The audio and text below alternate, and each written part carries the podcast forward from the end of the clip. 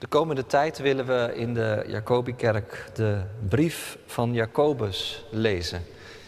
En uh, we maken daar vanochtend een begin mee. We lezen vanochtend Jacobus 1, vers 1 tot en met 18. Jacobus 1, vers 1 tot en met 18. Van Jacobus, dienaar van God en van de Heer Jezus Christus, aan de twaalf stammen in de diaspora. Ik groet u. Het moet u tot grote blijdschap stemmen, broeders en zusters, als u allerlei beproevingen ondergaat. Want u weet, wanneer uw geloof op de proef wordt gesteld, leidt dat tot standvastigheid. Als die standvastigheid ook daadwerkelijk blijkt, zult u volmaakt en volkomen zijn, zonder enige tekortkoming. Komt een van uw wijsheid tekort, vraag God erom. En hij, die aan iedereen geeft, zonder voorbehoud en zonder verwijt, zal u wijsheid geven. Vraag vol vertrouwen, zonder enige twijfel. Wie twijfelt is als een golf in de zee, die door de wind heen en weer wordt bewogen. Wie zo aarzelt en onbereikbaar is bij alles wat hij doet, moet niet denken dat hij iets van de Heer zal krijgen. Laat de onaanzienlijke gelovige trots zijn op zijn hoge waarde en de rijke op zijn nederige staat, want hij zal vergaan als een bloem in het veld. Als de zon gaat branden en het gras door de hitte verdort, valt de bloem af en is het gedaan met zijn schoonheid. Zo zal ook de rijke vergaan, terwijl hij volop met zijn zaken bezig is. Gelukkig is de mens die in de beproeving staande blijft. Want wie de proef doorstaat, ontvangt als lauwe krans het leven. Zoals God heeft beloofd aan iedereen die hem lief heeft. Wie in verleiding komt, moet niet beweren, die verleiding komt van God. Want God stelt niemand aan verleiding bloot, zoals hij zelf ook niet door iets slechts in verleiding kan, kan worden gebracht. Iedereen komt in verleiding door zijn eigen begeerte, die hem lokt en meesleept. Is de begeerte bevrucht, dan baart ze zonde. En is de zonde volgroeid, dan brengt ze de dood voort. Geliefde broeders en zusters, vergis u niet. Elke goede gave, elk volmaakt geschenk komt van boven, van de Vader, van de hemellichten. Bij hem is nooit enige verandering of verduistering waar te nemen. Hij wilde ons door de verkondiging van de waarheid tot leven roepen, om ons de eerste te maken in zijn schepping. De versen uit Jacobus 1 waar het in de verkondiging vooral omheen cirkelt zijn de versen 2 en 3. En die lees ik nogmaals voor, nu uit de herziene statenvertaling. Acht het enkel vreugde, mijn broeders en zusters, wanneer u in allerlei verzoekingen terechtkomt. Want u weet dat de beproeving van uw geloof volharding teweeg brengt. Gemeente van Christus, broeders en zusters, thuis of hier in de kerk. Curlingouders. Het is nog niet zo lang geleden dat ik dat woord voor het eerst hoorde. Curlingouders. Voor degene bij wie nou niet meteen een lampje gaat branden. Curling, dat is een spel. Een spel waarbij je in twee teams grote stenen heel rustig en heel precies laat glijden over een gladde ijsbaan. De bedoeling is dat die steen zo exact mogelijk terechtkomt waar jij het wilt. En om dat zo goed mogelijk te laten lukken, is het toegestaan dat je teamgenoten met kleine bezempjes voor die glijdende steen uitrennen. Om ervoor te zorgen dat het ijs werkelijk spiegel en spiegelglad is. En er niets is dat de koers van de steen ook maar zou kunnen beïnvloeden. Tot zover curling. Maar nu curlingouders. Dat schijnen dus ouders te zijn die hun kinderen behandelen alsof het curlingstenen zijn. Ze hebben voor hun kinderen een doel voor ogen, meestal op het gebied van sport of opleiding of carrière. En de bedoeling is dat dat doel zo exact mogelijk wordt gehaald. En daar hebben ze dan ook veel voor over. Ze doen hun uiterste best om hun kind daar te krijgen en de weg naar dat doel moet dan ook zo glad mogelijk verlopen. Alle obstakels worden voortijdig uit de weg geruimd. Om zo te voorkomen dat er ook maar iets in de weg ligt dat het leven voor hun kind moeilijk zou maken. Curlingouders dus. Ik ben tussen twee haakjes wel even benieuwd wie van de tieners of de iets oudere mensen nu denkt, dit gaat over de ouders van mij.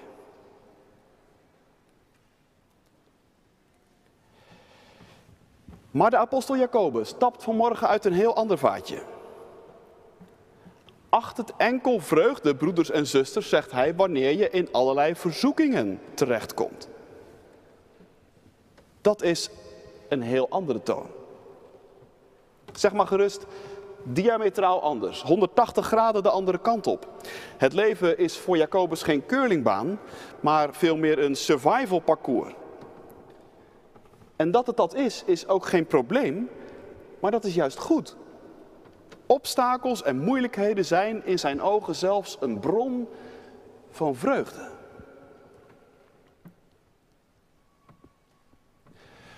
Nu is dat nogal gewaagde taal natuurlijk. En daarom is het goed om daar vanmorgen wat langer bij stil te staan. Wat bedoelt Jacobus nu precies? Nou, om te beginnen heeft hij het niet over tegenslagen, obstakels, moeilijkheden in het algemeen. Hij gebruikt een heel specifiek woord dat op verschillende plekken in het Nieuwe Testament terugkomt. Verzoeking. En nou is het belangrijk voor ons om te bedenken dat niet iedere moeilijkheid meteen een verzoeking is. File op weg naar je werk, je telefoon of je sleutels kwijt zijn, op je duim slaan, woordjes moeten leren, je kamer moeten opruimen of je muzieklessen moeten doen. Dat zijn allemaal obstakels. Soms zijn het zelfs flinke tegenslagen, maar daarmee zijn het nog niet direct verzoekingen. Een verzoeking wordt het pas als je op die tegenslagen reageert op een manier waarbij je geloof in de knel komt. Een verzoeking wordt het pas als je op tegenslagen reageert op een manier waarbij je geloof in de knel komt. Daar nog iets meer over. Want verzoeking heeft dus te maken met hoe wij op dingen in onze levens reageren. En reageren, dat gaat de hele dag door. Voortdurend zijn er signalen en prikkels waar je iets mee moet. Mensen vragen dingen van je, er gebeuren dingen onverwacht. Je ziet kansen voorbij komen. Er zijn grote moeilijkheden en kleine moeilijkheden. Er zijn grote en kleine uitdagingen. Er is groot en klein verdriet. Niet voor niks spreekt Jacobus over allerlei verzoekingen. En dat gaat maar door, dag in, dag uit. En elke keer is weer de vraag, hoe reageer je daarop? Want ja, daar zit dus iets van keuze in. Op al die momenten heb je de keuze om te reageren in lijn met wat je gelooft. Of je kunt een keuze maken die jouw geloof eigenlijk tegenspreekt. En dat is de verzoeking. Er zijn momenten, je zult dat ook vast herkennen in je leven, waarop het heel duidelijk is wat er van je gevraagd wordt en wat je doen moet. Maar soms is het minder duidelijk en noemen we dat een dilemma. Moet je zaken afwegen en weet je niet direct wat het juiste is om te kiezen. Of dat kan ook nog, je weet het ten diepste wel, maar de keuze die je geloof op dat moment van je vraagt is moeilijk. En er is ook een makkelijkere optie. Maar je weet, dat is niet de weg die Jezus zou gaan, terwijl die toch heel verleidelijk is. Waak en bid, zegt Jezus tegen zijn leerlingen in de hof van Gethsemane, dat jullie niet in verzoeking komen. En dat zegt hij tegen hen terwijl ze net in slaap gevallen zijn. Je merkt dus, op dat moment is de slaap een verzoeking geworden. Niet dat slaap op zichzelf iets verkeerd is natuurlijk, helemaal niet. Maar hun geloof in Jezus vroeg hen op dat moment juist, op dat cruciale moment, om extra wakker te zijn. Maar ze waren het niet. En daarmee waren ze in verzoeking terechtgekomen.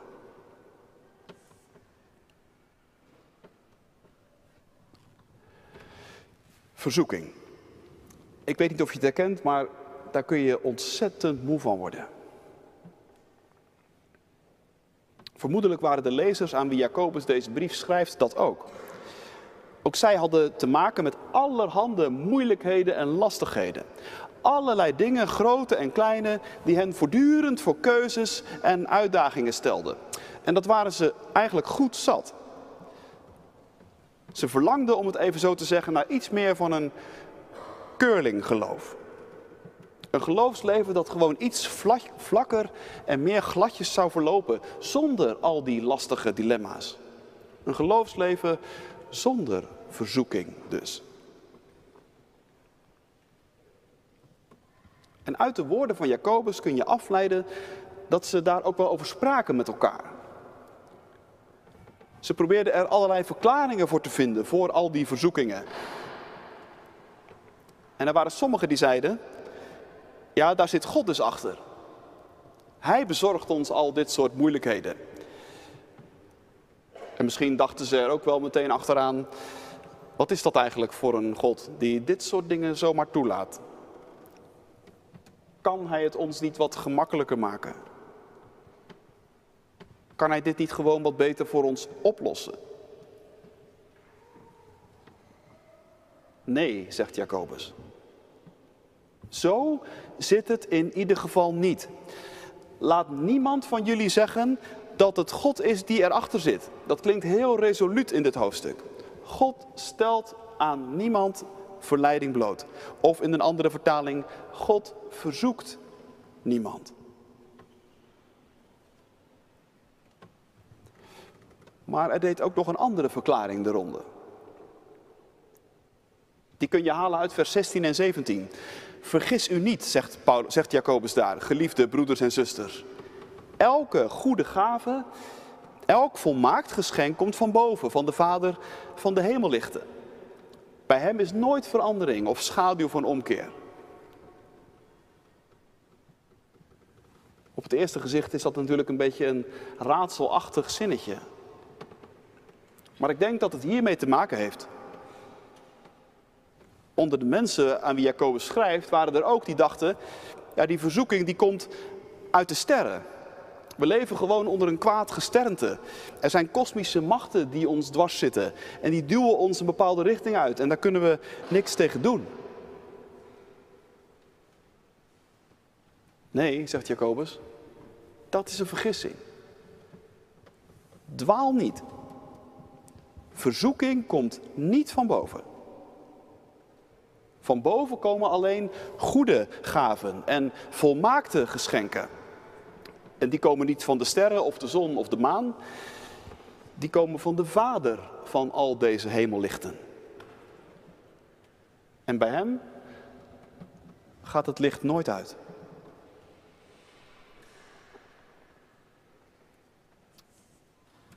Goed. God verzoekt dus niet. En in de sterren staat het ook niet geschreven. Dat is dan nu wel duidelijk, Jacobus. Maar hoe zit het dan wel? Waar komen al die verzoekingen dan wel vandaan? En dan zegt Jacobus opnieuw iets heel gewaagds. Het is jullie begeerte, zegt hij.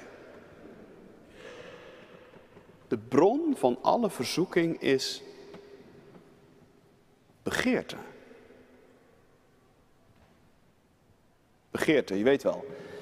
Die heftige verlangens die ergens diep van binnen in je huizen en die zomaar op het meest onverwachte moment ineens naar boven kunnen komen borrelen.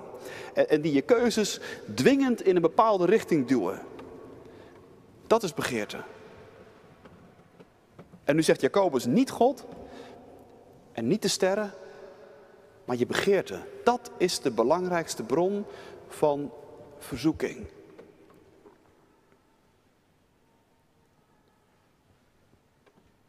Maar zeg je, is dat niet heel onbarmhartig om dat zo te zeggen? Laat Jacobus ons op die manier niet ook gewoon ontzettend in de kou staan. Ik bedoel, je zult maar een diep verdriet hebben in je leven en dat als een enorme verzoeking van je geloof ervaren. Of je zult maar na lang wikken en wegen en bidden een besluit hebben genomen waarvan je achteraf toch moet zeggen, het was verkeerd. Of je zult maar diep in de afgrond van het grote niets hebben gekeken. Waar alle vastigheid onder je voeten wegvalt. Dan komt er vanmorgen iemand naar je toe die zegt, eigen schuld. Het was je begeerte.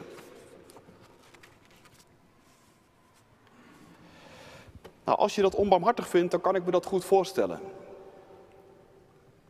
En ik moet er ook dit bij zeggen. In het Nieuwe Testament is dit niet de enige manier waarop er over verzoeking wordt gesproken. Iemand schreef, wat Jacobus hier zegt is op het randje. En dat is denk ik ook zo. Maar, zeg ik er vanmorgen ook bij, juist op het randje worden vaak de meest belangrijke dingen gezegd.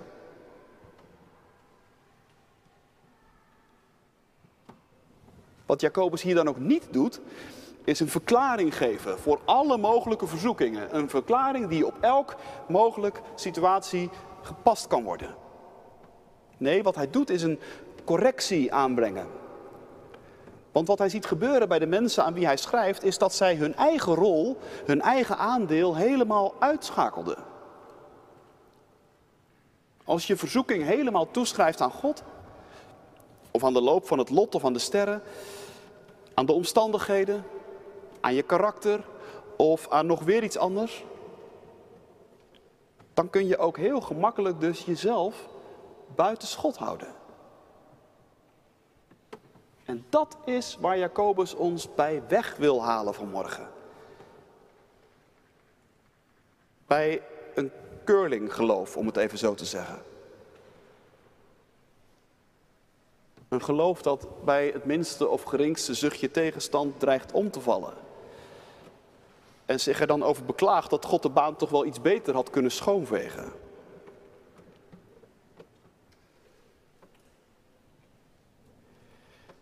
Curlinggeloof. Bestaat dat, zeg je? Ik denk wel dat het bestaat, ja. En ik denk ook dat wij er goed aan doen om dat te beseffen. Want het bestaat ook bij ons. Sterker nog, het zit in het hart van ons allemaal.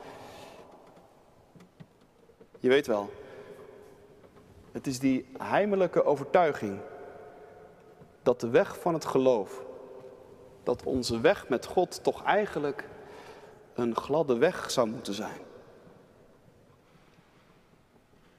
Waar God met een bezem voor ons uitrent om ieder obstakel uit de weg te ruimen.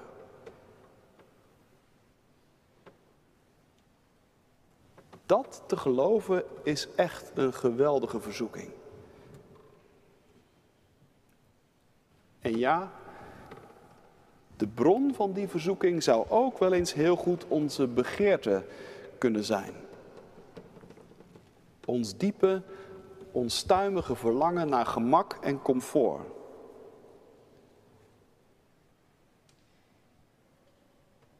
Via onze smartphone hebben we de hele wereld binnen handbereik. En wat we willen kopen ligt binnen het bereik van een enkele muisklik. Voor 23,59 besteld, de volgende dag op je deurmat. Ons hele leven is steeds meer gebouwd op dat soort van zelfsprekendheid. Dat is een verhaal kennelijk met een enorme aantrekkingskracht voor ons. En het kan niet anders, of het zijpelt ook je geloof. En het zijpelt ook ons kerk zijn binnen.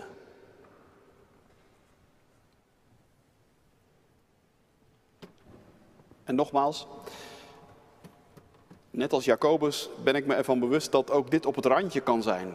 En wat ik vanmorgen zeg is dan ook niet een totaalverklaring voor alles. Maar niettemin, op het randje worden soms hele belangrijke dingen gezegd. En dat geldt ook hier. Wie van het geloof een curlingbaan maakt, valt in verzoeking.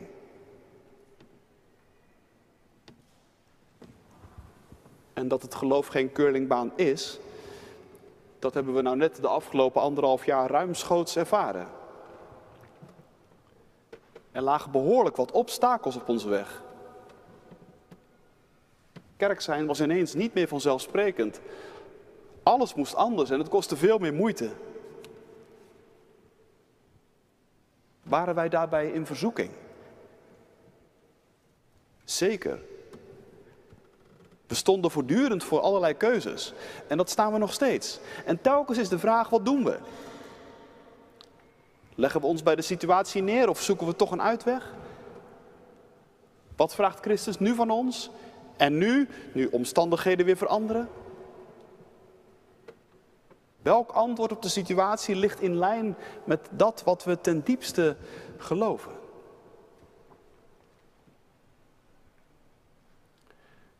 Nou, die vragen zijn natuurlijk niet zomaar van de lucht. Ook niet in het komende seizoen. Wij zullen in verzoeking blijven. Maar zijn we in die verzoeking ook staande gebleven de afgelopen tijd? En zullen we in de toekomst staande blijven? Of zijn we gevallen? Onderuit gegaan?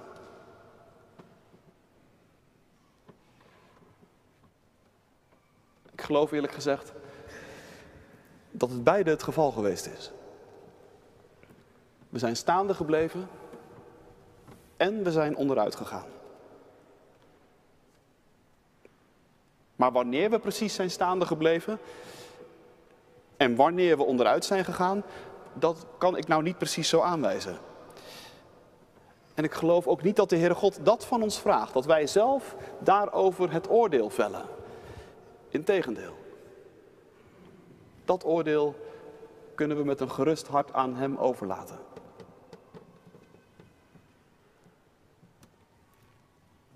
Onze taak voor morgen is om te luisteren naar de vraag die Hij ons via de apostel Jacobus stelt. En die vraag is, heb je de verzoeking ook als vreugde beleefd? En wil je eraan de verzoekingen die voor je liggen als vreugde te beleven?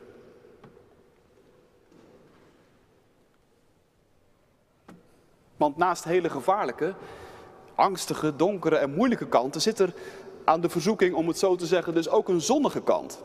En die benadrukt Jacobus vanmorgen. De zonnige kant is, zegt hij, dat verzoeking leidt tot volharding. Daar valt in dit stuk heel veel nadruk op. En daarin staat Johannes nou weer niet alleen. Ook op andere plekken, ook bij Paulus kom je die gedachte tegen. Verzoeking doet ook iets met je en niet alleen maar verkeerde dingen. Het leidt ook tot volharding. En volharding leidt tot hoop. Hoe werkt dat dan? Nou, verzoeking, hè, die momenten dus waarop je merkt, het kan nu twee kanten op. Ik voel de verleiding van de makkelijke weg, maar mijn geloof vraagt dat ik de moeilijke weg kies. Dat soort momenten brengen je ook weer even helemaal terug naar de kern. Naar dat waar het werkelijk om gaat. Naar dat wat je ten diepste gelooft over God, over Christus, over jezelf, over het koninkrijk dat komt.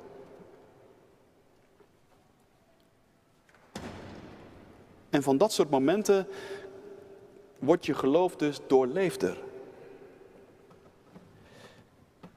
Je krijgt er Ausdauer van, zoals de Duitsers dat zo mooi zeggen. En als ik nou één ding hoop voor ons het komende seizoen, dan is het dit. Dat we groeien in Ausdauer.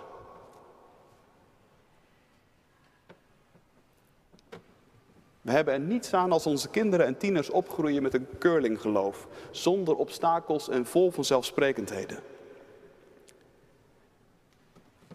En we hebben er niets aan als volwassenen hen dat toch min of meer zo voorspiegelen. omdat ze het stiekem zelf ook zo zijn gaan beleven.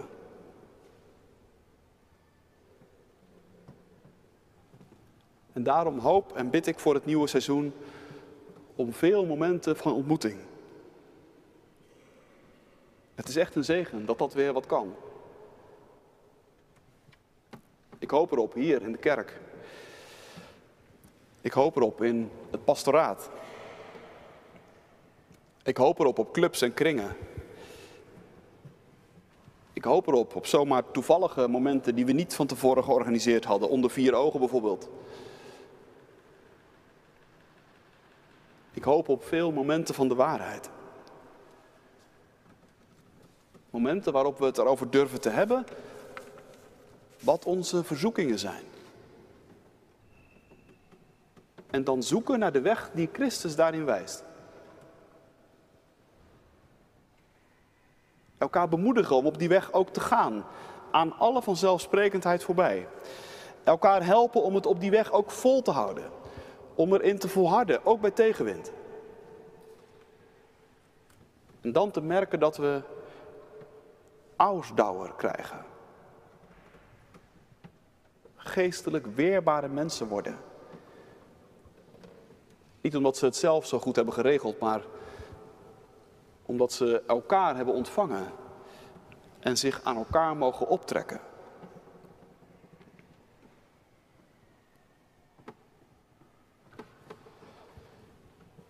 Tot slot nog dit. Als het over verzoeking gaat, moeten wij één ding nooit vergeten. En dat is dat wij in onze verzoeking niet alleen zijn. Wij dienen een God die de verzoeking is binnengegaan. Die tot in de diepste afgronden ervan heeft gekeken. En niettemin staande is gebleven. Daarom ligt onze hoop in Hem.